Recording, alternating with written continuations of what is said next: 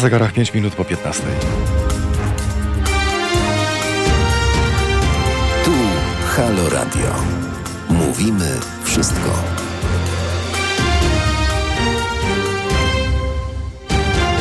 Zaczynamy Halo Aktualności. W kalendarzu 27 kwietnia, dziś wtorek, dziś e, imieniny, święto.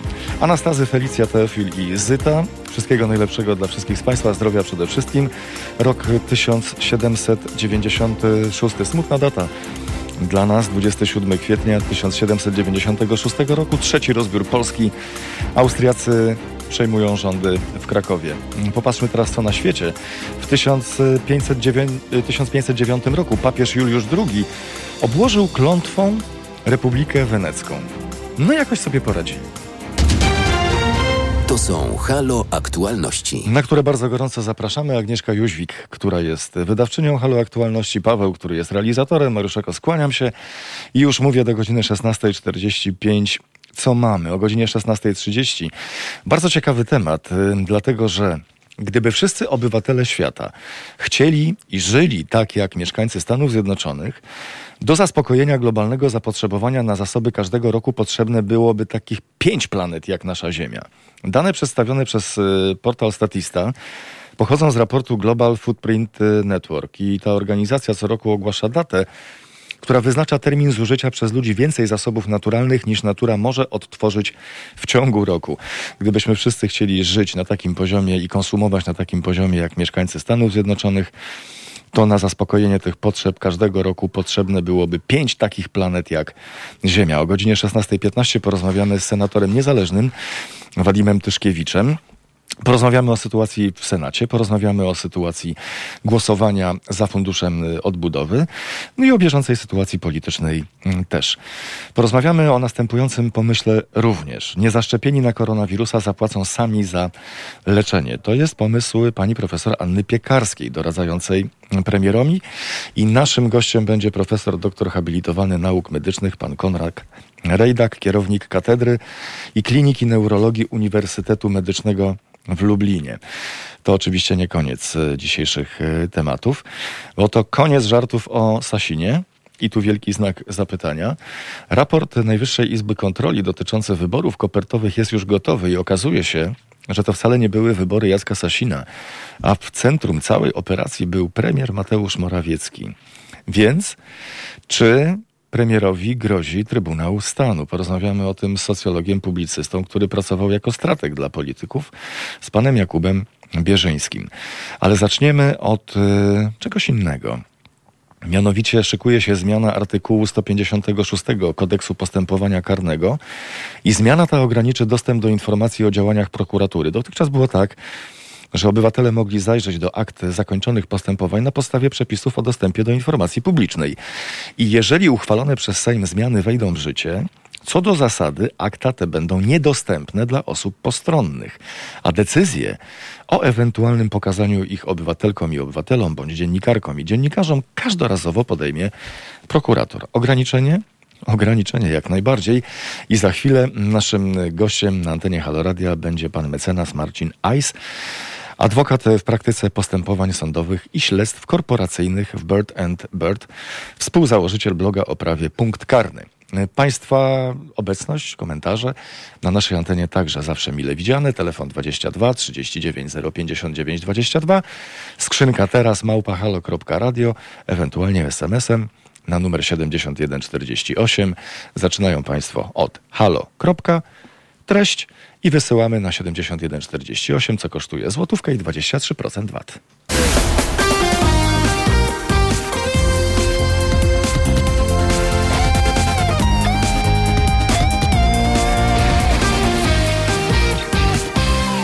Na zegarach kwadrans po 15 razem z nami pan mecenas Marcin Ajs, adwokat w praktyce postępowań sądowych i śledztw korporacyjnych w Bird Bird, współzałożyciel bloga o prawie Punkt Karny. Dzień dobry panie mecenasie.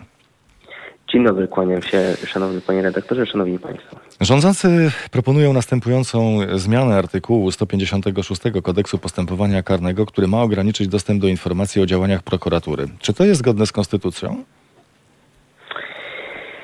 Panie redaktorze, e, budzi na pewno zmiana ta budzi poważne wątpliwości konstytucyjne też przede wszystkim, natomiast e, budzi przede wszystkim wątpliwości i obawy, szeroko pojęte obawy, e, albowiem odbiera się de facto obywatelom, mediom, wszelkim organizacjom społecznym kontrolę i pozba pozbawienie, e, pozba pozbawia się de facto narzędzia e, wyjątkowo istotnego, jakim jest kontrola władzy publicznej, w tym przede wszystkim oczywiście prokuratury, jeżeli chodzi o zmianę tego konkretnego przepisu kodeksu postępowania karnego. Gdy popatrzymy na ten problem na poziomie konstytucyjnym, to gdzie pan widzi największe wątpliwości dotyczące tej zmiany? Przede wszystkim kwestie e, jawności i rzetelności e, procesu sądowego. I tutaj podkreślam e, słowo jawność, które gra odgrywa w przypadku tej zmiany najistotniejszą rolę, albowiem poprzez zmianę artykułu 150, 156 kodeksu postępowania karnego no de facto wprowadza się ograniczenie możliwości dostępu mediom, przede wszystkim mediom, ale też i, i obywatelom do prawomocnie zakończonych akt postępowań karnych, e, a więc de facto kontroli, czy rzeczywiście decyzje kończące postępowanie przez prokuratorów zostały wydawane w sposób prawidłowy e, w oparciu o rzetelnie zgromadzone dowody w ramach postępowania karnego. Gdybyśmy chcieli być adwokatami diabła, znaczy w tej sytuacji bardziej pan niż ja, bo ja się na tym nie znam, czy ten pomysł da się obronić w jakikolwiek sposób? To znaczy ustawodawca e, wprowadzając te zmiany, chcąc uzasadnić te zmiany, e, definiuje i uzasadnia e, tą zmianę przede wszystkim faktem tego, że w obecnie obowiązujących przepisach mamy do czynienia z ustawą o dostępie do informacji publicznej i rzeczywiście jest tak, że jeżeli dziennikarz, obywatel czy też organizacja pozarządowa chciałaby uzyskać informacje dotyczące właśnie prawomocnie zakończonego postępowania karnego na etapie postępowania przygotowawczego, czyli na etapie śledztwa e, lub też dochodzenia, e, to musi skierować odpowiedni wniosek w trybie dostępu do informacji publicznej, natomiast prokurator jest zobligowany do udzielenia takiej informacji w ciągu 14 dni. I teraz ustawodawca stwierdza, wprowadzając te zmiany, że rzeczywiście ten przepis był po prostu nadużywany i często osoby, które nie powinny mieć dostępu do e, tych akt postępowania, e, takie informacje w ramach e, zakończonego postępowania karnego uzyskiwały, chociażby na przykład ze względu na fakt, że prokurator umorzył postępowanie ze względu na niewykrycie sprawcy, E, a następnie e, osoba potencjalnie będąca w zainteresowaniu prokuratury właśnie po zakończonym prawomocnie postępowaniu uzyskuje informacje, które dla niego mogą być cenne, na przykład do jego e, przestępczych, potencjalnie przestępczych zachowań.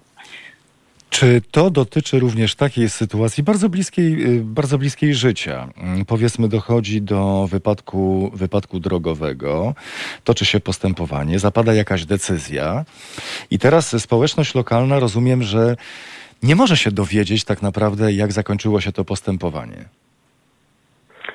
Tak, de facto, de facto rzeczywiście tak jest. To znaczy wprowadzone przepisy y, de facto nie, nie umożliwiają całkowicie, natomiast pozostawiają tą decyzję w zakresie y, możliwości udostępnienia bądź też odmowy udostępnienia tych akt wyłącznie do arbitralnej decyzji prokuratury.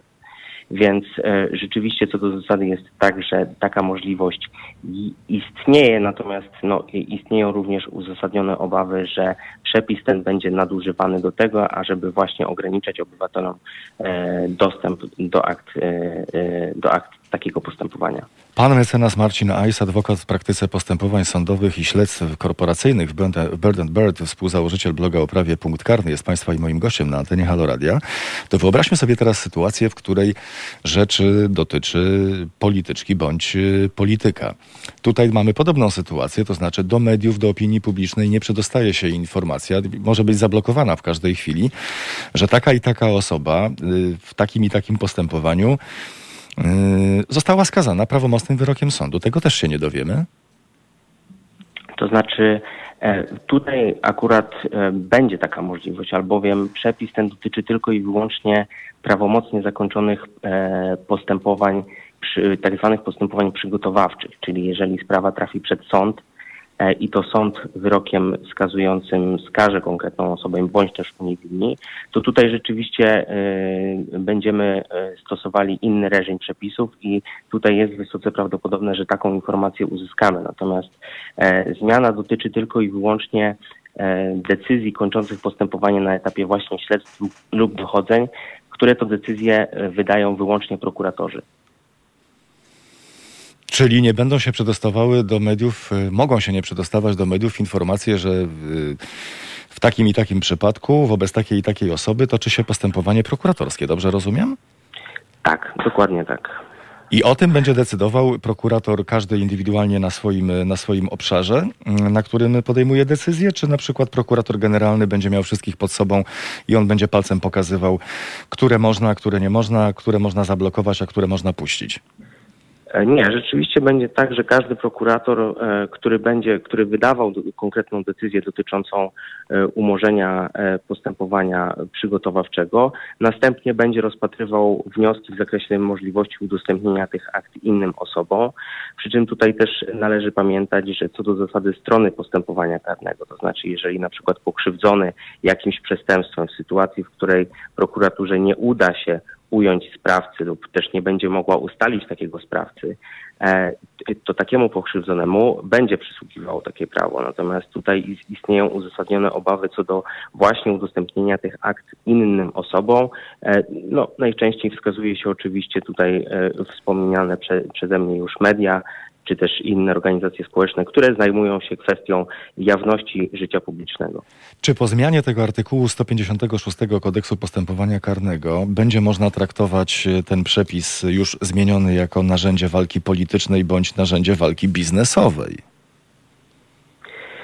Myślę, że e, ewentualne narzędzie walki politycznej, to znaczy przede wszystkim e, mając świadomość, jak w dzisiejszych czasach funkcjonuje prokuratora, prokuratura i komu, je, komu de facto jest bardziej przychylna, należy obawiać się, że rzeczywiście decyzje dotyczące umorzeń postępowań karnych, na przykład w zakresie nieopublikowania wyroku Trybunału Konstytucyjnego lub też innych e, ewentualnych postępowań, które no, budzą e, pewne zainteresowanie w życiu publicznym, natomiast no, z jakich względów e, prokurator prowadzący takie postępowanie umorzy, umorzy takie postępowanie, no to rzeczywiście ani media, ani obywatel, ani żadne inne organizacje, jeżeli pan prokurator zdecyduje o odmowie udostępnienia tych akt, rzeczywiście nie będzie miał żadnych innych środków i, i nie będzie istniała żadna kontrola sądowa nad tym, ażeby rzeczywiście doszło do realizacji prawa każdego obywatela, to jest właśnie prawa do e, jawności i transparentności e, działania organów publicznych. Czy zmiana tego przepisu ograniczy również pole działania Rzecznikowi Praw Obywatelskich? Potencjalnie oczywiście może ograniczyć, przy czym należy pamiętać, że Rzecznik Praw Obywatelskich ma zdecydowanie szersze możliwości uprawnienia. On może interweniować w każdej sprawie, może zwracać się do instytucji publicznych, no i, i do tego właśnie ma uprawnienie i umocowanie ustawowe, więc w tym zakresie nie obawiałbym się jednak e, ograniczenia jego praw jako, jako instytucji. Pan mecenas Marcin Ajs, adwokat w praktyce postępowań sądowych i śledztw korporacyjnych w Bird and Bird, współzałożyciel bloga o prawie Punkt Karny, był dzisiaj Państwa i moim gościem na antenie Halo Radia. Panie mecenasie, bardzo gorąco dziękujemy za spotkanie i za rozmowę. Dziękuję, kłaniam się. Do widzenia Państwu. Koniec żartów o Sasinie. Podobno raport Najwyższej Izby Kontroli dotyczący wyborów kopertowych jest już gotowy. Okazuje się, że to nie były wybory Jacka Sasina, a w centrum całej operacji był premier Mateusz Morawiecki. Jakie to będzie miało konsekwencje i czy ten raport Najwyższej Izby Kontroli zostanie w jakikolwiek sposób w najbliższym czasie wykorzystany? Porozmawiamy o tym już za chwilę z socjologiem, publicystą, który pracował jako strateg dla polityków, panem Jakubem Bierzyńskim. Halo Radio.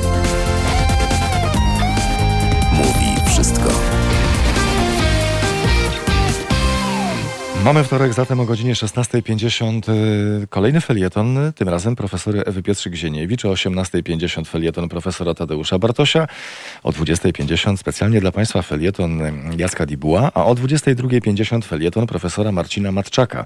Będziemy przypominać, ale warto zagospodarować sobie trochę czasu już teraz. A razem z nami socjolog, publicysta, pan Jakub Bierzyński, który pracował jako strateg dla polityków. Dzień dobry, panie Jakubie. Dzień dobry, dzień dobry. Dzień dobry Państwu. Podobno koniec żartów y, o Sasinie i na temat y, pana Sasina. Oto Najwyższa Izba Kontroli ma dowody, by postawić premiera przed Trybunałem Stanu za wybory kopertowe. Stanie się tak? No wie pan, to wszystko zależy od, y, od wyników najbliższych wyborów i tego, kiedy one się odbędą, jaki będzie układ sił. Pa- Pamiętajmy, że potrzeba większości sejmowej do tego, żeby postawić kogokolwiek przed Trybunałem Stanu, więc pytanie, jaka to będzie większość, kto będzie tą większością zarządzał i czy to się w ogóle ma szansę wydarzyć, to e, pieśń przyszłości i to pewnie paru lat. Pytanie o te szanse jest, e, ze smutkiem to przyznaję, bardzo zasadne, dlatego że w Polsce to politycy decydują o politykach. Oni sami o sobie decydują, kogo postawić przed Trybunałem Stanu. No i oczywiście liczą się z tym, że jak raz e, nas dotkniecie, to zobaczycie, potem koło fortuny się obróci i my was postawimy przed Trybunałem Stanu. I tak w koło Macieju. No, powiedziałbym, żeby postawić kogoś przed Trybunałem Stanu, trzeba mieć jeszcze e, twarde dowody e, na mm, no, nieprawidłowości z tym związane. Wydaje się, że raport NIK takie twarde dowody zawiera. Mm, Tym bardziej, że wnioski z tego raportu, czyli mm, fakt, że decyzja o wyborach kopertowych w maju była decyzją bezprawną, zostały potwierdzone przez Sąd Administracyjny w Warszawie i ten wyrok nadal obowiązuje. To znaczy, szanowny panie Jakubie, że żyjemy w kraju dziwnym do kwadratu, dlatego że Najwyższa Izba Kontroli posiada dowody, za które można by postawić premiera Mateusza Morawieckiego przed Trybunałem Stanu, a tego nie robi. I teraz wszyscy będą patrzyli na premiera jako na człowieka, który powinien stanąć przed Trybunałem Stanu, a cały czas piastuje no, niebagatelną funkcję, niebagatelny urząd. No, żyjemy w kraju autorytarnym, w którym ignorowane powszechnie są wyroki sądów. Więc w takim kraju prawo się nie liczy. Liczy się decyzja polityczna i to ma, mamy także do, do czynienia z tym na co dzień w dyskusjach czy w decyzjach prokuratury, która mm, umarza albo nie wszczyna śledztwa e, przeciwko e, własnym, członkom własnego obozu politycznego władzy. Więc e, manipulacje prawem, ignorowanie wyroków czy manipulacje prokuraturą są na porządku dziennym. Tutaj powinniśmy się raczej już do tego przyzwyczaić. Pan Jakub Bierzyński, socjolog, publicysta, a także prezes Domu Mediowego OMD jest Państwa i moim gościem na antenie Halo Radia. Panie Jakubie, jak wytłumaczyć e, w takim razie to, że wszyscy wszystko wiedzą, wszyscy wszystko widzą, jaka jest sytuacja prawna, jak prawo jest łamane, jak wyroki sądów nie są przestrzegane, nie są wprowadzane w życie, a mimo to Prawo i Sprawiedliwość i Zjednoczona Prawica cieszy się poparciem na poziomie 33%. No najwyraźniej jedna trzecia naszego społeczeństwa to nie przeszkadza. E, I jakby pewnie jest to taka mentalność autorytarna, która mówi, że skoro wygrali wybory i państwo jest ich, no to można to państwo upartyjni- upartyjnić i kierować nim jak swoim prywatnym folwarkiem. I tak się właśnie dzieje. No najwyraźniej jednej trzeciej wyborców to nie przeszkadza i to jest fundament bezkarności obozu władzy. No, dlatego, dlatego to robią, bo, bo nie ma kary, a jedyna kara, która może ich spotkać, realna, no to jest kara y, poprzez odwrócenie się bazy wyborców. Nie obserwujemy tego zjawiska, no, w związku z tym ten autorytaryzm tężeje. Ale jak przekonać w takim razie osobę, z którą się dyskutuje, z którą się rozmawia, że to, że jakieś ugrupowanie wygrało wybory, to wcale nie znaczy teraz i ma większość parlamentarną, to wcale nie znaczy, że teraz wszystko mu wolno. Na zasadzie, czy w myśl zasady, wygrali wybory, no to mogą sobie robić, co tylko im się żywnie podoba, bo wygrali wybory. No proszę Państwa, to jest. To, to nie jest kwestia przekonania jednej osoby, ale, albo nawet przekonania pewnych grup społecznych.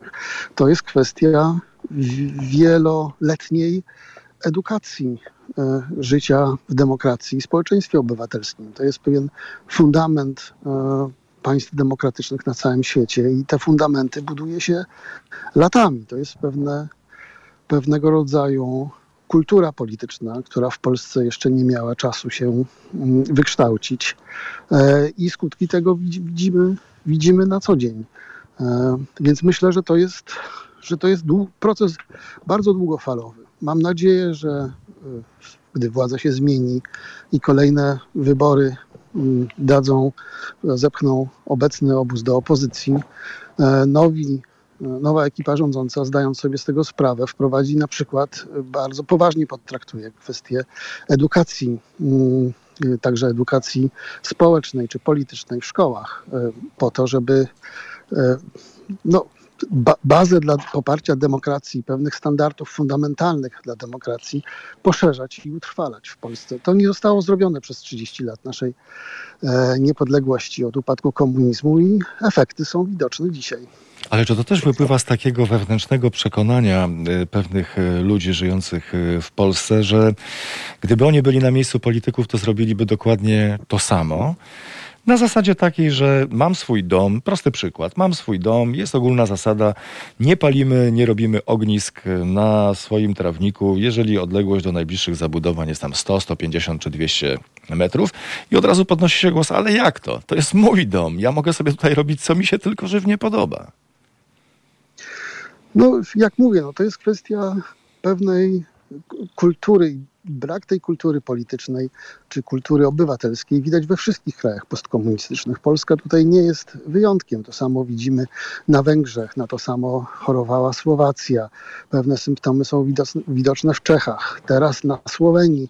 Więc e, ja bym powiedział, to jest, to jest problem E, edukacji całych społeczeństw. Te 70 lat komunizmu odcisnęło na nas ogromne piętno i to piętno dzisiaj wraca. Ludzie się trochę budzą, między innymi społecznicy, którzy chcą zakazu pracy radnych w miejskich e, spółkach.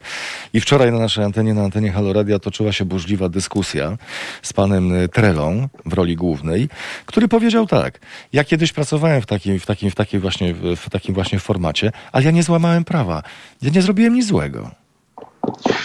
No tak, no to jest, to zaczyna się od gminy, a kończy się na głowie państwa. No to, to jakby powinniśmy, myślę, przemyśleć nasz e, model mm, życia społecznego w Polsce generalnie po tych doświadczeniach e, autorytarnych rządów PiSu dosyć głęboko i zastanowić się, w jaki sposób nie dopuścić do czegoś takiego w przyszłości, jeśli oczywiście będziemy mieli szansę. Pan Jakub Bierzyński, socjolog, publicysta, prezes Domu Mediowego OMD, dziś na antenie Haloradia. Bardzo gorąco dziękuję za spotkanie, dziękuję za rozmowę. Ja też bardzo dziękuję. Do usłyszenia. Do usłyszenia. Za chwilę o tym, że jest taki pomysł. Niezaszczepieni na koronawirusa zapłacą sami za leczenie COVID. To pomysł y, profesor Anny Piekarskiej doradzającej premierowi i o tym porozmawiamy za chwilę.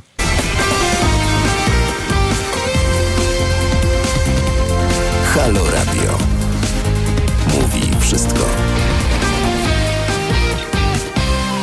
I razem z nami pan profesor doktor habilitowany nauk medycznych Konrad Rejdach, kierownik Katedry i Kliniki Neurologii Uniwersytetu Medycznego w Lublinie, prezes elekt Polskiego Towarzystwa Neurologicznego. Dzień dobry panie profesorze.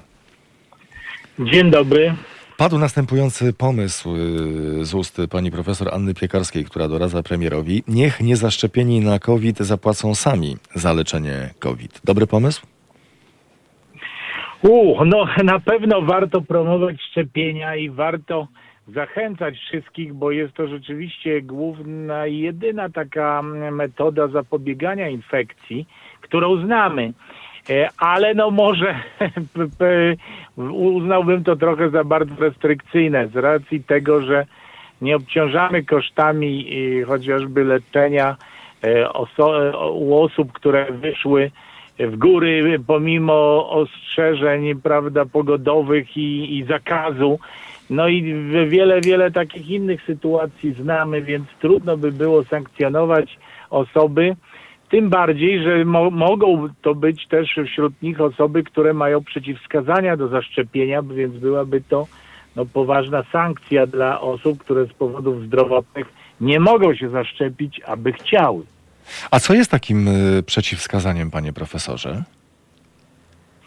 No, wiemy o tym, że, że wyłoniły się te pewne czynniki ryzyka polegające na, na czynnikach prokrzepliwych, prawda? Część osób ma tak zwaną trombofilię, czyli stany prozakrzepowe, więc dopiero wy, wykrycie tych że sytuacji klinicznych i podjęcie leczenia mogłoby e, ułatwić decyzję o szczepieniu. No tak samo jak jakieś reakcje alergiczne e, bardzo ciężkie, no oczywiście są również zagrożeniem życia, więc podanie każdej substancji, na którą jesteśmy uczuleni, może być groźne, więc to są te sytuacje, w których trzeba być bardzo ostrożnym. Również aktywna infekcja jakaś e, tocząca się w organizmie, niezaleczona, no będzie przeciwwskazaniem do szczepienia.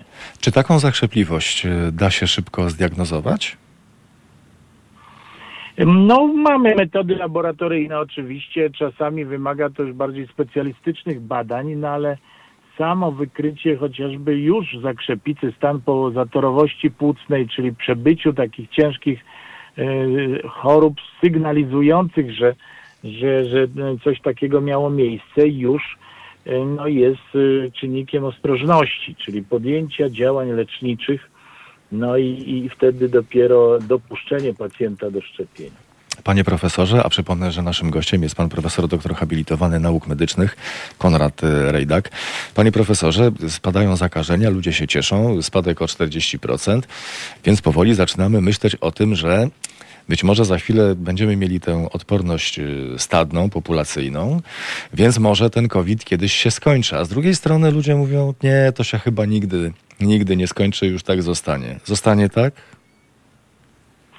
No na pewno ten wirus będzie z nami bardzo długo. E, Pomyślmy o po prostu różnych rejonach geograficznych, których no nie wszyscy będą mieli szansę na zaszczepienie, prawda? Mm, Poza tym co chwilę dorastają młodzi osobnicy, którzy że może nie zdążą się zaszczepić, więc przewiduje się, że, że, że ten wirus będzie krążył w populacji, ale no przestanie być takim globalnym, dużym problemem. Będziemy musieli być ostrożni. Zaznaczę, że też poszukiwane są intensywnie leki, które będą użyteczne na bardzo wczesnym etapie infekcji, tak aby zdusić ją na samym początku. Takie działania podjęły tutaj rządy w Wielkiej Brytanii, e, też w, w Stanach Zjednoczonych, w innych krajach, bo po prostu musimy mieć całe spektrum leczenia. E, Szczepionka to fundament, ale idealnie by było mieć też lek, k- który po prostu będzie mógł być użyteczny, skuteczny u osób, u których dojdzie do infekcji. Pamiętajmy, że u części osób zaszczepionych też niestety dochodzi do infekcji, czasami nawrotowych. Znam osoby, które dwa, trzy razy rozwinęły objawy COVID, więc y, no nie jest to takie zero-jedynkowe. Mamy po prostu tak jest w medycynie. Zawsze jakiś procent osób może nie reagować na stosowane leczenie y, i z jakichś powodów no, dojdzie do nich, u nich do, do pogorszenia stanu zdrowia.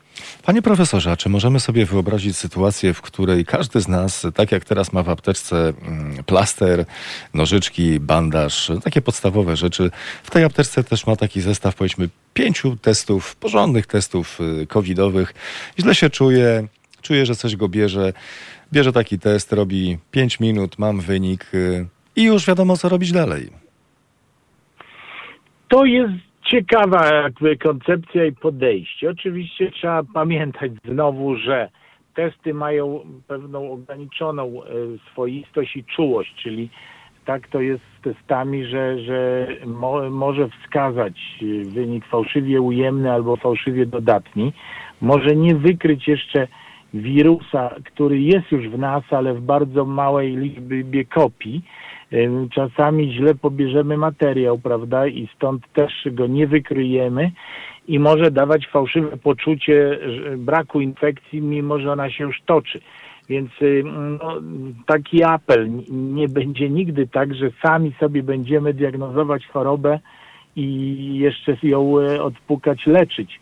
No, do tego jest potrzebna opieka medyczna, lekarska i, i tylko wtedy zbliżymy się do tego ideału, tylko oczywiście im większa dostępność do testów i to lepszych testów, które mają wysoką czułość, no na pewno będzie to przesiew, czyli w dużym e, procencie będziemy mogli powiedzieć, że tą infekcję mamy lub jej nie, nie mamy, ale czujność zawsze będzie wskazana. Cała sytuacja covidowa, tak jak patrzę na nasze życie codzienne, doprowadziła też do zaskakująco pozytywnych y, zmian, dlatego że jeszcze do niedawna człowiek wstawał rano, chory, nie chory, kichający, nie kichający, prychający, nawet z lekką podwyższoną temperaturą, idzie do pracy, jeździ komunikacją miejską, a teraz trochę jakby ludzie się opamiętali w tych sytuacjach codziennych. To fakt. Pamiętam czasy, jak ze zdziwieniem patrzyliśmy na, na mm, turystów z Azji, którzy przyjeżdżali do nas w maskach, prawda? I budziło to pewną taką troszkę mm, no, i ciekawość i, i, i mm, uśmiech na ustach. No rzeczywiście pokazało to, że te infekcje no, mm, są groźne. Co ciekawe, możemy wyeliminować wiele pospolitych infekcji takim e, zachowaniem ostrożności.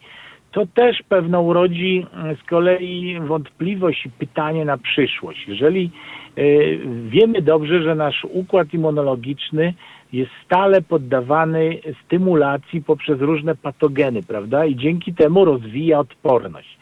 Jeżeli byśmy żyli w całkowitej izolacji od patogenów przez, y, od najwcześniejszych y, e, etapów rozwoju, no to obawiam się, że nasz układ immunologiczny nigdy by nie wytworzył odporności, a tym samym y, jakiś pospolity patogen mógłby zabić z łatwością e, człowieka. Więc tu mamy jeden wielki, toczący się tak naprawdę eksperyment medyczny, który no, pokaże, jaka będzie przyszłość. Bo z jednej strony tu jest dobrze, że mamy szczepionkę, która właśnie nas eksponuje na antygeny danego patogenu, czyli te, te składniki budowy danego, no, danej bakterii czy wirusa i na, produkujemy odporność. Dokładnie tak samo, jak na przykład małe dzieci zostawiamy bawiące się w piaskownicy, czy y, dotykające wszystkich y, nie, niezaczystych tak. powierzchni przedmiotów, one trenują swój układ immunologiczny i to jest niezbędne, żeby przetrwać. E, jeżeli mm, no, tej stymulacji nie będzie, no to yy, niestety nasz organizm będzie bardzo podatny na każdą infekcję. Pan profesor doktor habilitowany nauk medycznych Konrad Rejdach, kierownik Katedry i Kliniki Neurologii Uniwersytetu Medycznego w Lublinie, prezes Elekt Polskiego Towarzystwa Neurologicznego był Państwa i moim gościem na antenie Halo Radio. Panie profesorze, bardzo gorąco dziękuję. Bardzo dziękuję, kłaniam się, pozdrawiam. Dziękujemy serdecznie. Za kilka minut wiadomości na antenie Halo Radia, później prognoza pogody o 16.30. Porozmawiamy o tym, że gdyby wszyscy obywatele świata żyli na takim poziomie i konsumowali na takim poziomie jak mieszkańcy Stanów Zjednoczonych, to do zaspokojenia tych potrzeb każdego roku potrzebowalibyśmy pięć takich planet jak Ziemia ale wcześniej było o godzinie 16.15. Naszym gościem będzie niezależny senator, bezpartyjny, senator RP Wadim Tyszkiewicz. Na zegarach 6 minut po 16. Tu Halo Radio. Mówimy wszystko. Halo Aktualności. W kalendarzu 27 dzień kwietnia, dziś wtorek, dziś imieniny. Mają Anastazy, Felicja, Teofilizy, to wszystkiego najlepszego. Oczywiście zdrowia przede wszystkim. 27 kwietnia, rok 1810, Ludwik van Beethoven skończył komponowanie utworu dla Elizy. W roku 1968 w Paryżu zespół pod kierownictwem Christiana Cabrola przeprowadził pierwszą w Europie operację przeszczepienia serca. Niestety biorca zmarł po 51 godzinach. W 1981 roku Xerox Park zaprezentował mysz komputerową, która otworzyła drogę do interfejsu graficznego. Słuchacie Halo Aktualności. Na które bardzo gorąco zapraszam. Jeszcze do godziny 16.45. Mariuszeko skłaniając się nisko. Za niecałych kilka minut razem z nami bezpartyjny niezależny senator Wadim Tyszkiewicz, a o godzinie 16.30 o tym, że jedna ziemia dla nas nie wystarczy. Gdybyśmy wszyscy chcieli żyć tak jak mieszkańcy Stanów Zjednoczonych, to potrzebowalibyśmy zasobów tyle co pięć takich planet jak e, Ziemia. Więc porozmawiamy o raporcie Global Footprint Network Organizacja, która co roku ogłasza datę, która wyznacza termin zużycia przez ludzi więcej zasobów naturalnych niż natura może otworzyć w ciągu roku. W ubiegłym roku tak zwany Dzień Długu Ekologicznego przypadł później niż zwykle, 22 sierpnia 2020 roku. Przesunął się z powodu pandemii koronawirusa. W 2019 roku przypadł na 29 dzień lipca, po tym jak od 2009 roku przesunął się z 18 sierpnia. Czasu coraz mniej. Data 2021 roku nie została jeszcze opublikowana, ale nie byłbym tutaj jakiejś radosnej myśli, jeśli chodzi o tę całą e, sytuację. Będziemy rozmawiali o sytuacji politycznej. Oto Prawo i Sprawiedliwość spełniło wszystkie postulaty lewicy w sprawie Funduszu Odbudowy. Tak chwalą się polityczki i politycy lewicy. Rząd spełni sześć postulatów lewicy w sprawie ratyfikacji Unijnego Funduszu Odbudowy. Tak przekazał Robert Biedroń po spotkaniu z premierem Mateuszem Morawieckim oraz szefem klubu PiS Ryszardem Terleckim. Cieszymy się, że jest ugrupowanie, które poważnie podchodzi do problemu. Powiedział pan Terlecki po spotkaniu. Pozostałe kluby i koła opozycyjne były sceptyczne wobec perspektywy rozmów lewicy z rządem. A stanowisko lewicy w sprawie ratyfikacji Funduszu Odbudowy może być decydujące wobec braku zgody w tej sprawie w samej Zjednoczonej Prawicy. I tak oto ponoć lewica wynegocjowała 850 milionów euro dla szpitali powiatowych, 300 milionów euro dla branż gastronomicznej i hotelarskiej. Ma powstać 75 tysięcy tanich mieszkań na wynajem, 30% środków ma być dla samorządów, a rząd ma przygotować szczegółowy plan wydatkowania oraz powoła komitet monitorujący do spraw wydawania środków. Ciekawe, kto znajdzie się w tym komitecie i o to też będziemy pytali w najbliższych godzinach, w najbliższych dniach na antenie Halo Radia. Kto będzie w komitecie, który będzie sprawał, w jak, sprawdzał, w jaki sposób wydawane są unijne środki. Jestem bardzo, jestem bardzo ciekaw. Jeśli chodzi o luzowanie różnego rodzaju obostrzeń, to dopiero po 4 maja mają być otwarte ogródki restauracyjne, poluzowanie w hotelach, a także w innych miejscach. Szczegóły jeszcze nie są znane, ponieważ trwa spotkanie między innymi z przedsiębiorcami, którzy w końcu nie będą mogli powiedzieć, że nikt ich nie słucha. To znaczy poszli na spotkanie, ale po spotkaniu może się okazać, że faktycznie nadal nikt ich nie słucha. Telefon 22 39 059 22. Skrzynka teraz małpahalo.radio, ewentualnie SMS 7148 to jest numer. Zaczynają Państwo od halo. Treść wysyłamy na 7148 za złotówkę i 23% VAT. Halo Radio. Mówi wszystko. Kwadrans po 16 razem z nami pan senator Wadim Tyszkiewicz, senator niezależny, bezpartyjny. Dzień dobry panie senatorze. Witam pana, witam państwa. Który z kandydatów na Rzecznika Praw Obywatelskich może liczyć na pana poparcie w Senacie? Na ten moment żaden, dlatego że kandydat postawiony w ostatnim czasie, pan Wróblewski, w najmniejszym stopniu spełnia moich oczekiwania. Myślę, że też oczekiwań Polaków, dlatego że to jest kandydat partyjny. To jest poseł partii rządzącej. Zgodnie z konstytucją, zgodnie z wymogami kandydat na Rzecznika Praw Obywatelskich powinien być niezależny, powinien reprezentować mieszkańców, a nie partię polityczną, powinien Polaków reprezentować. Ale 33% z głosujących na Zjednoczoną Prawicę na pewno by powiedziało, to jest bardzo dobry kandydat, my go popieramy. No tak, ale nie da się to udzielić, jeżeli media narodowe e, finansowane ogromnymi pieniędzmi Polaków e, uprawiają propagandę, która e, nie ma wiele wspólnego z rzeczywistością. E, stąd i to poparcie, więc to poparcie też nie przeraża, bo nie ukrywam, że kiedyś się mówiło o tym, że relacje elektorat PiSu to jest około 20%. Dzisiaj już się szacuje, że to jest około 30-33%. Ale się e, złożyło się wiele elementów, ale między innymi w tym ta totalna propaganda, która dociera pod strzechy, dlatego że telewizja narodowa, telewizja naziemna i w wielu domach nie ma tunelów satelitarnych, nie ma innej telewizji. Na szczęście są media społecznościowe i radia, wolne radia. Szanowny panie senatorze, rozumiem, że nie podoba się panu ta sytuacja, ale jak pan próbuje to zmienić, jak pan z tym walczy? Znaczy, w Senacie na szczęście mamy minimalną przewagę, jeśli chodzi o opozycję demokratyczną.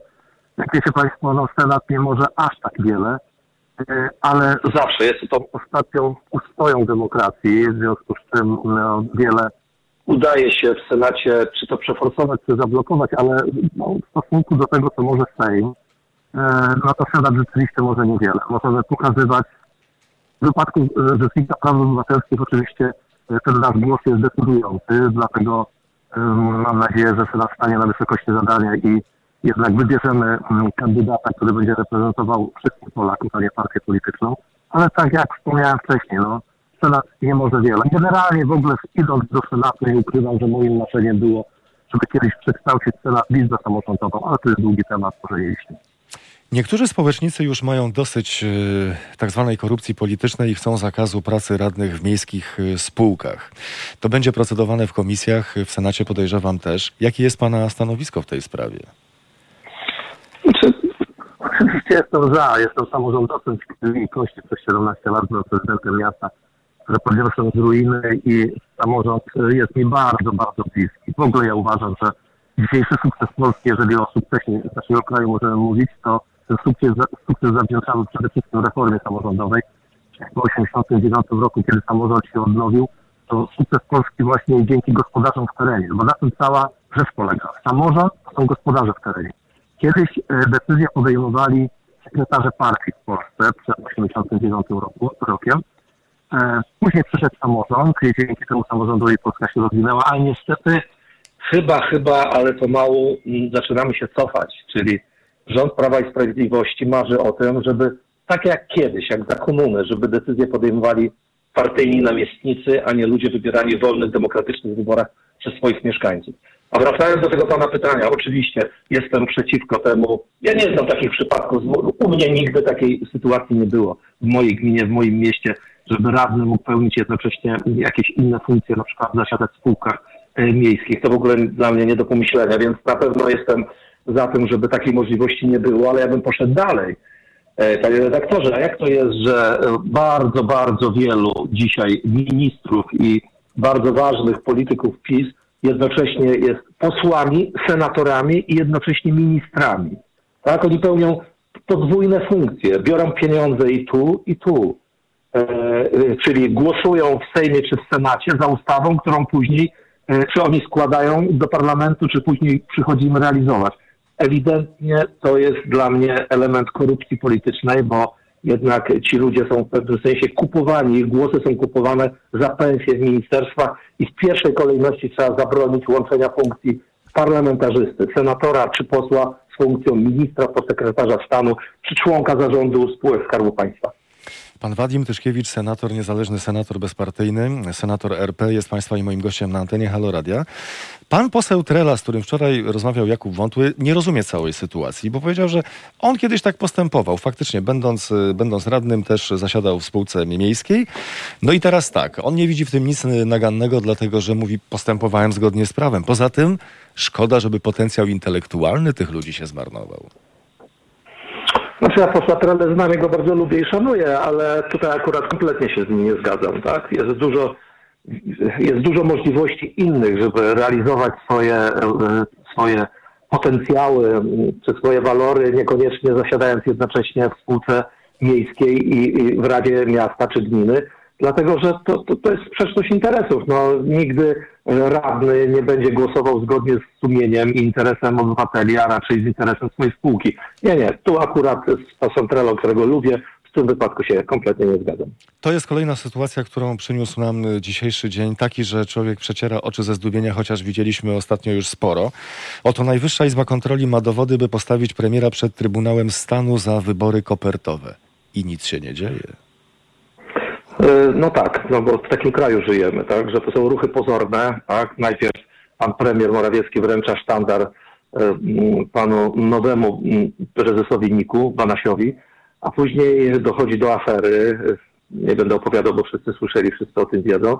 I teraz pan Banaś będzie ścigał e, pana premiera Morawieckiego za ewidentne złamanie prawa, bo nikt nie ma wątpliwości do, co do tego, że wybory kopertowe to było złamanie prawa zarówno przez premiera, jak i przez pana Sasina, tak, który zmarnował blisko 70 milionów złotych Polaków i żadnej konsekwencji do tej pory nie poniósł. Nie czarujmy się, szanowni państwo. Żaden polityk, e, dopóki PiS e, jest przy władzy, nie poniesie żadnej konsekwencji. e, za łamanie prawa, za łamanie konstytucji, za narażanie Polaków, e, Skarbu Państwa na gigantyczne straty. E, Ja już nie będę wspominał o dwóch wieżach w Ostrołęce i wielu innych e, ogromnych pieniądzach, które zostały zmarnowane. Żaden z tych ludzi nie poniesie konsekwencji, dopóki e, ministrem sprawiedliwości i prokuratorem generalnym jest pan minister Ziobro.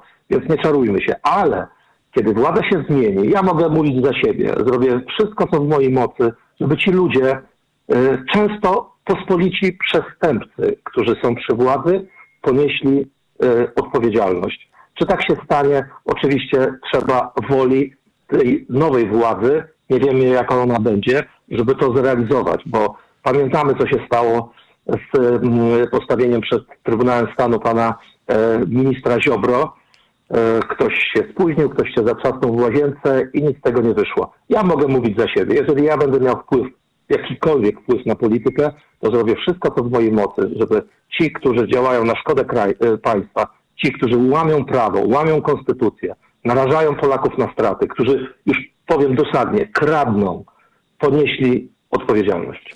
Ludzie patrzą na to wszystko, co się dzieje przez ostatnich 30 lat i dochodzą do prostego, jak sądzę, wniosku, mianowicie takiego, że nikt nie poniósł jakiejkolwiek odpowiedzialności na takim poziomie jak Trybunał Stanu, więc w zasadzie pytanie, czy potrafimy sobie wyobrazić sytuację, pan bardziej niż ja, w której ktokolwiek staje przed Trybunałem Stanu, bo może tych furtek y, i tej całej degrengolady i tego niszczenia, które, którego dopuściła się Zjednoczona Prawica, Prawo i Sprawiedliwość i, i pozostali, stworzy na tyle wygodną sytuację, że opozycja będzie chciała po prostu dalej w tym trwać, bo w ten sposób wygodnie się rządzi i przyjemnie też przy okazji. Doktorze, tak jak wspomniałem, ja mówię za siebie. Jestem niezależnym, bezpartyjnym parlamentarzystą. E, W zasadzie nigdy do żadnej partii nie należałem. Miałem krótką przygodę z nowoczesną, której kompletnie nie żałuję, ale też inny temat. Długo na ten temat opowiadać. I ja mogę mówić za siebie. Oczywiście proszę pamiętać o tym, że Trybunał Stanu to, to, to nie wiąże się z jakimś więzieniem albo z mega odpowiedzialnością finansową. Trybunał Stanu to jest taka trochę mocniejsza nagana, nazwijmy to, ale choćby to, e, żeby, żeby ktoś został chociażby w ten sposób skarcony. Ja mówię o odpowiedzialności karnej, no ale wie pan, dzisiaj trudno mówić o odpowiedzialności karnej, kiedy przy władzy są ludzie, którzy przejęli prokuratury, e, prokuratury, a teraz przejmują sądy, którzy e, no, zakulisowo wydają wyroki. Czyli my cofamy się nie o 30 lat do tyłu, a o 50 lat do tyłu. E, Wracamy do czasów tej ciężkiej komuny, kiedy rzeczywiście wyroki zapadały w, gabinetach sekretarzy partyjnych, a nie w sądach. I to jest przerażające. Ja jednak mam e, minimalną nadzieję na to, że jednak e, po przegranych wyborach przez obecną władzę, jednak przynajmniej w części zostanie ona rozliczona. Tak jak wspomniałem, nie łudzę się za bardzo, że to się uda no, w stu procentach. Ja zrobię wszystko, co w mojej mocy, żeby ci ludzie, którzy działają na szkodę kraju, którzy łamali prawo, konstytucję, którzy po prostu, pospolicie mówiąc, kradli, okradali Polaków, ponieśli za to odpowiedzialność. Czy się uda? Nie wiem, głowy nie położę. Pan senator bezpartyjny, niezależny senator RP Wadim Tyszkiewicz dziś razem z nami na antenie Haloradia. Dziękuję za spotkanie, dziękuję za rozmowę. Dziękuję, pozdrawiam pana, pozdrawiam słuchaczy. Wszystkiego dobrego. Lepszej Polski. Och, tak, i zdrowia przede wszystkim dziękujemy serdecznie. Za chwilę porozmawiamy z ekspertem ekologicznym, wykładowcą na uczelni Łazarskiego, współzałożycielem inicjatywy Faceci w Zieleni o tym, że gdybyśmy chcieli żyć wszyscy tak jak mieszkańcy Stanów Zjednoczonych, to zasobów musielibyśmy mieć tyle, co pięć takich planet jak Ziemia. Bardzo gorąco dziękujemy, że Państwo pamiętają o nas także w wymiarze finansowym na zrzutka.pl ukośnik Halo Radio. Dziękujemy Pani Hannie z Warszawy, Panu Tomaszowi z Rzeszowa, Panu Adamowi z Łodzi, Panu Jackowi z Lublina, Panu Pawłowi z Gdańska i Panu Hubertowi z Obornik koło Poznania. Przypominamy się życzliwie na zrzutka.pl ukośnik Halo Radio. A razem z nami już teraz Pan Sławomir Brzuzek, ekspert ekologiczny, wykładowca na uczelni Łazarskiego, współzałożyciel inicjatywy Faceci w Zieleni. Dzień dobry Panie Sławomirze. Dzień dobry. Gdybyśmy wszyscy na całym świecie, ludzie, chcieli żyć tak jak mieszkańcy Stanów Zjednoczonych, to do zaspokojenia takiego, takich potrzeb potrzebowalibyśmy pięć takich planet jak y, Ziemia. To jest niewyobrażalna skala. Mała poprawka. Gdybyśmy wszyscy chcieli żyć tak jak przeciętny obywatel Stanów Zjednoczonych, to potrzebowalibyśmy co najmniej 8 planet. Albo więcej, Jeszcze dlatego lepiej. że poziom konsumpcji społeczeństwa amerykańskiego i poziom wykorzystania środowiska w związku z tym jest no, nieprzeciętnie wysoki, można powiedzieć. Natomiast y, ta informacja o tym poziomie zużycia to dotyczy niestety Polski. Znaczy, to, to, to jest tak, że gdybyśmy my chcieli y, żyć cały czas tak, jak żyjemy w tej chwili, no to potrzebowalibyśmy właśnie prawie pięć planet, y, biorąc pod uwagę nasze zapotrzebowanie materiałowe. Ale to jest niemożliwe.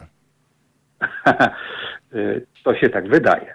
Natomiast, no niestety, sposoby liczenia mm, opracowywane i doskonalone przez lata, dlatego że tutaj mówimy o, w ogóle o takim pojęciu, które nazywa się dzień długoekologicznego. Mhm. Y, To jest taka metodologia opracowana na York University.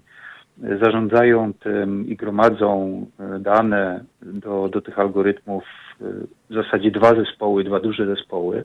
Jeden, który liczy y, taki footprint dla różnych zjawisk, nie tylko e- ecological, ale też dla poszczególnych, można powiedzieć, zachowań w naszym życiu, na przykład y, footprint konsumpcji, footprint eksportu, footprint produkcji energii, no bo y, każda działalność człowieka wymaga jakichś zasobów, jakichś surowców, jakiejś ilości przestrzeni, jakiejś ilości energii, temu towarzyszy zużycie materiałów i tak dalej, i tak dalej. To, to y, jak się chwilę nad tym zastanowimy, no to uznamy, że rzeczywiście tak jest. Natomiast oczywiście to, żeby te wyliczenia były y, możliwie najbardziej obiektywne i najbliższe prawdzie, no to ta metodologia musi być bardzo, bardzo rzetelna i niestety bardzo szczegółowa.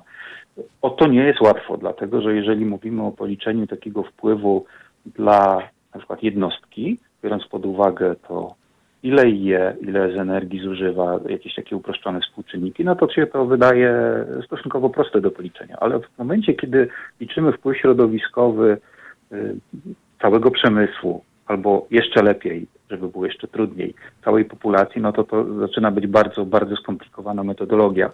Natomiast tak żeby nie zanudzać wszystkich, y, ta metodologia jest dostępna. To jest, to jest upubliczniona, można powiedzieć, tak jak y, open source'owe oprogramowanie. Ja zachęcam wszystkich zainteresowanych, żeby weszli na stronę overshootday.org albo globalfootprint.org albo znaleźli po prostu w, w internecie Overshoot Day albo Ecological Debt Day i y, druga strona dedykowana narzędziu, które jest podstawą do, do wyznaczenia tej daty umownej yy, właśnie tego dnia długoekologicznego, czyli właśnie ten Global Footprint Network. Mhm. Panie Sławomirze, ale mówiąc o tym, że to niemożliwe, miałem na myśli bardziej, Aha. bardziej to, że to jest niemożliwe, żebyśmy znaleźli pod ręką osiem planet, które by zaspokoiły nasz nienasycony apetyt. A to bardzo się cieszę, że pan przerwał mój, mój słowotek, dlatego że tak, to... yy, tu No to albo teraz, wie. albo teraz ograniczamy populację, albo ograniczamy nasze, nasze potrzeby, albo nie wiem co, no albo, albo zjadamy wszystko do zera i ostatni gasi światło. E, Więc my wszyscy radośnie e, od lat 70. żyjemy na kredyt przyszłych pokoleń. Dlatego, że ten moment, kiedy. Jeszcze dwa słowa o tej metodologii. Co to znaczy ten dzień długoekologicznego? To jest ten moment, kiedy populacja żyjąca na jakimś obszarze wykorzystuje te zasoby, które w ciągu jednego roku przyroda na tym obszarze jest w stanie odnowić i dostarczyć. Innymi słowy, jeżeli mamy obszar polski taką ilością lasów, jezior, zwierząt, gruntów uprawnych y, i wykorzystujemy te zasoby naturalne oraz dostarczamy na przykład śmieci, no to, to, y, to, to zbilansowanie pokazuje, że w pewnym momencie ta, y, to się nazywa biocapacity, tak? czyli ta, ta, ta pojemność środowiskowa jest przez nas wyczerpana, tak? To znaczy z, tego umownego magazynku, który był, mieliśmy w tym roku, czerpiemy więcej. A więc bierzemy z czegoś, co powinno być przez nas brane w przyszłości. I po raz pierwszy y, dla planety Ziemia, dla, dla globalnie mm, ten moment, kiedy ludzkość, to są dane uśrednione oczywiście dla całej społecznej, globalnej społeczności, y, to był, 20, to był rok 1970. Wtedy wcześniej niż z końcem roku wykorzystaliśmy zasoby, które były na ten rok umownie dla Aha, nas aha. średnio y, do wykorzystania. W ciągu, no, bagatela 50 lat, y, ten dzień długo ekologicznego dla planety Ziemia przypada już w sierpniu. To są, y, w- zeszłym roku to był 22 sierpnia, przepraszam, nie 22 sierpnia, tylko trochę wcześniej. 22 sierpnia był y, 2020, y, 29 Tak, lipca tak, w tak. 2019, 22 sierpnia. a 18 sierpnia w 2000, 2009, więc czasu Mhm. coraz mniej. Panie Sławomirze, ale co mamy teraz zrobić? Mamy powiedzieć Amerykanom, słuchajcie, opanujcie się, przestańcie mniej jeść, przestańcie mniej kupować ubrań, zużywać tego wszystkiego, nie kupujcie tyle tych samochodów. No, ktoś się musi ograniczyć w tej całej sytuacji. Zdecydowanie to powinniśmy powiedzieć Amerykanom, ale zdecydowanie powinniśmy też powiedzieć również sobie, dlatego że dla Polski ten dzień długoekologicznego, yy, i to będzie szokujące, w zeszłym roku przypadł już 14 maja. W tym roku, według tych danych yy, z gospodarki, które, które mamy za pierwszy kwartał 2021 roku, paradoksalnie nasza gospodarka idzie szybciej. W zeszłym roku był rok zupełnie niepasujący do tego trendu takiej no, coraz większej presji środowiskowej, dlatego że wstrzymała nam ruch na świecie pandemia. I to było widać również w tym takim przesunięciu y, okresu, kiedy ten dług ekologiczny zaczęliśmy zaciągać. To było blisko dwa tygodnie dla, dla globalnej gospodarki. No więc w zeszłym roku Polska zaciągnęła swój dług ekologiczny 14 maja. W tym roku y, algorytmy wskazują na 4 maja, a więc wcześniej. Więc co to oznacza? Że my w ciągu y, czterech miesięcy wykorzystaliśmy te zasoby, które powinniśmy mieć na ten rok. Co oznacza, że do końca roku będziemy zużywali zasoby z przyszłego roku i następnych. Co oznacza, że w ciągu paru lat zużywamy zasoby, które są dla naszych dzieci, wnuków, prawnuków. I my możemy oczywiście mówić, że biedni Polacy, nasza gospodarka jest e, rachityczna w porównaniu z amerykańską i poziom konsumpcji jest też znacznie mniejszy. Produkujemy na przykład znacznie mniej śmieci niż przeciętny Europejczyk zachodni. Dużo nam tutaj brakuje, no ale to nie oznacza, że nie mamy tutaj czegoś do poprawienia. E, Również taki współczynnik gospodarczy tutaj daje nam dobre wyobrażenie, w jakim momencie jesteśmy i co powinniśmy poprawiać. Mianowicie znacznie większe niż nasze gospodarki Włoch i Francji, dług ekologiczny y, zaciągają w podobnym momencie. Dlaczego tak? To wskazywałoby na to, że oni szybciej powinni zużyć. Dokładnie tak. No, a jednak y, my tutaj, że tak powiem, trzy- trzymamy z nimi y, te, tempo konsumpcji, bo to oznacza, że y, my jesteśmy po prostu dużo mniej zasobożerni. Dużo mniej efektywni, znaczy dużo bardziej zasobożerni, dużo mniej efektywni. Nasza gospodarka jest mniej efektywna na przykład. Y, Albo y, z drugiej strony nasza konsumpcja jest nonszalancka. Tutaj- Właśnie, bo oni też wyrzucają tyle samo jedzenia, marnują co my y, rok do roku, czy poszli po rozum do głowy? Z tym marnowaniem jedzenia to jest różnie i nie da się tego tak bardzo e, wyraziście porównać. Natomiast y, są pewne zmiany systemowe. Na przykład we Francji już w roku 2019 y, y, były wprowadzane przepisy, one weszły w życie ostatecznie w 2020 roku, o zakazie wyrzucania jedzenia przez sieci sklepowe. Znaczy, to jeżeli zbliża się termin przydatności do spożycia do, dla produktów spożywczych, to sklepy muszą znaleźć rozwiązanie, żeby ta żywność została nie wiem, taniej sprzedana, oddana, została wykorzystana jako jedzenie, a nie trafiła na śmietniki. No i to jest, y, i, to znakomicie wpływa na zmniejszenie konsumpcji, no bo y, trzeba sobie uświadomić, że wyprodukowanie każdego kilograma mięsa to jest jakaś porcja energii, którą w Polsce na przykład w 70% mamy ze spalania węgla i potężne ilości wody. Mm, Nie wiem, ilu y, słuchaczy Haloradia y, je jeszcze mięso, albo w ogóle je mięso, y, ale mm, ci, którzy są smakoszami wysokojakościowej wołowiny, na przykład z Argentyny, muszą mieć świadomość, że wyhodowanie i dostarczenie jednego kilograma takiej wołowiny tutaj na ten rynek w Europie to jest ponad 14,5 tysiąca litrów wody. które muszą być w międzyczasie gdzieś tam w Argentynie zużyte po to, żebyśmy mogli a potem trochę wybrzydzać, że może trochę za tłuste. Jeden, jeden, jeden kilogram. Jeden kilogram, tak. E, No jedno jabłko to jest prawie litr wody. Wyhodowanie jednego jabłka. Ale ja nie mówię tego po to, żebyśmy e, w tej chwili dostali szczękościsku i poczuli wyrzuty sumienia, że jemy, tylko żebyśmy po prostu nie marnowali. Nie marnowali. Tutaj y, umiar i rozsądna dieta to jest y, bardzo dobra wskazówka, natomiast to dotyczy każdej rzeczy, którą produkujemy, bo takie inne porównanie. Człowiek do swojego biologicznego funkcjonowania, tak średnio licząc 2,5 litra dziennie, to jest taki, taki zdrowe minimum, y, ilość płynów wody, którą musimy przyswajać, pijąc, jedząc, żebyśmy po prostu mogli y, zdrowy trwać, żyć. Więc przez całe życie, y, biorąc statystycznie, potrzebujemy około 42 tysięcy litrów wody. A y, taka sama ilość wody jest potrzebna, żeby, żeby wyprodukować jedną parę jeansów i trzy t-shirty dlatego że uprawa bawełny jest bardzo wodochłonna.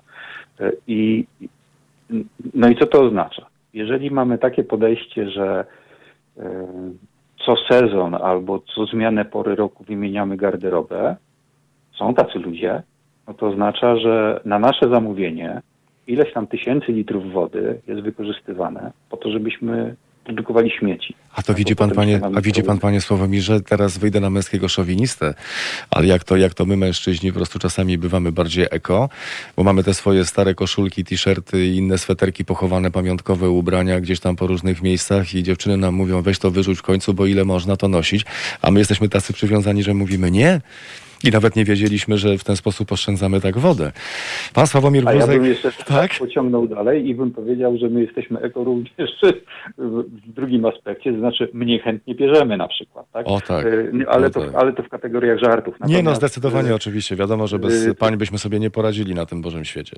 trzeba, y, trzeba jednak pochwalić, że na naszych oczach dokonuje się jakaś niesamowicie fajna jakościowa zmiana, dlatego że po, wielka popularność wszystkich ruchów zero waste i less waste, popularność y, second handów i, w ogóle taki sznyt, jak się spojrzy, ja patrzę na moje dzieci, więc y, to, co jak ja byłem w ich wieku, było dla nas szczytem szpanu, to znaczy fajne nowe ubranie, no ale to były takie czasy, kiedy w ogóle nie było ubrań, więc fajne nowe ubranie było naprawdę czymś, tak? Y, Oni mają zupełnie inaczej w głowie poukładane. Natomiast jesteśmy tak rozpędzeni w naszej y, mechanice gospodarczej, napędzanej wzrostem PKB, czyli przekładaniem pieniędzy z jednego miejsca w drugie, y, że to musimy zmienić. I, i, I to jest y, równie ważne, dlatego że obok tego, że każdy z nas musi się nauczyć żyć z umiarem, ja szczególnie tutaj podkreślam, nie, od, nie, nie odejmować sobie od ust, tylko nie pakować do nich za dużo. To jeszcze musimy sobie uświadomić, że ten taki prosty model funkcjonowania, y, który nas napędza, on już zbankrutował. My może jeszcze tego nie widzimy, zwłaszcza ci, którzy się nie zajmują tą problematyką, ale naprawdę on już zbankrutował. To, że y, mm, najbogatsze państwa świata i generalnie globalna społeczność międzynarodowa dogaduje się, tworząc strategie na nowe paradygmaty gospodarcze. Mówimy tutaj o y, gospodarce obiegu zamkniętego, y, wszystkie wielkie strategie y, reagowania na zmiany klimatyczne, tak żeby zmniejszać zasobochłonność gospodarki. To, to wynika z tego, że y, widać już, że my po prostu w takim modelu wydobywamy, produkujemy, wyrzucamy, no to, to, to już nie możemy dalej ciągnąć. Mhm, I mhm. tutaj I tu, panie Sławomirze, taka- postawmy średnik, a nie kropkę, żeby nie zaciągać Dobra. długu ekologicznego, bo chciałbym wyłączyć komputer, żeby dalej nie ciągnąć prądu. Nie no, żartuję, bo czeka felieton za chwilę o godzinie 16.50 na naszej antenie. Pan Sławomir Bruzek, ekspert ekologiczny, wykładowca na uczelni Łazarskiego, współzałożyciel inicjatywy Faceci w Zieleni. Dziś y, nie po raz pierwszy i nie po raz ostatni na naszej antenie razem z nami. Bardzo gorąco dziękuję za spotkanie, za rozmowę. Ja również dziękuję. Wszystkiego dobrego. Agnieszka Jóźwik, która była wydawczynią, Paweł, który był realizatorem. Mariusz Rokos, dziękujemy Państwu bardzo gorąco za dzisiejsze spotkanie o godzinie 16.50, czyli już dosłownie za kilka e, minut. Dzisiaj mamy wtorek, a więc o godzinie 16.50 e, już za chwilę felieton profesory Ewy Pietrzyk-Zieniewicz. Miłego słuchania. To były Halo Aktualności. Na kolejny program zapraszamy jutro o godzinie 15.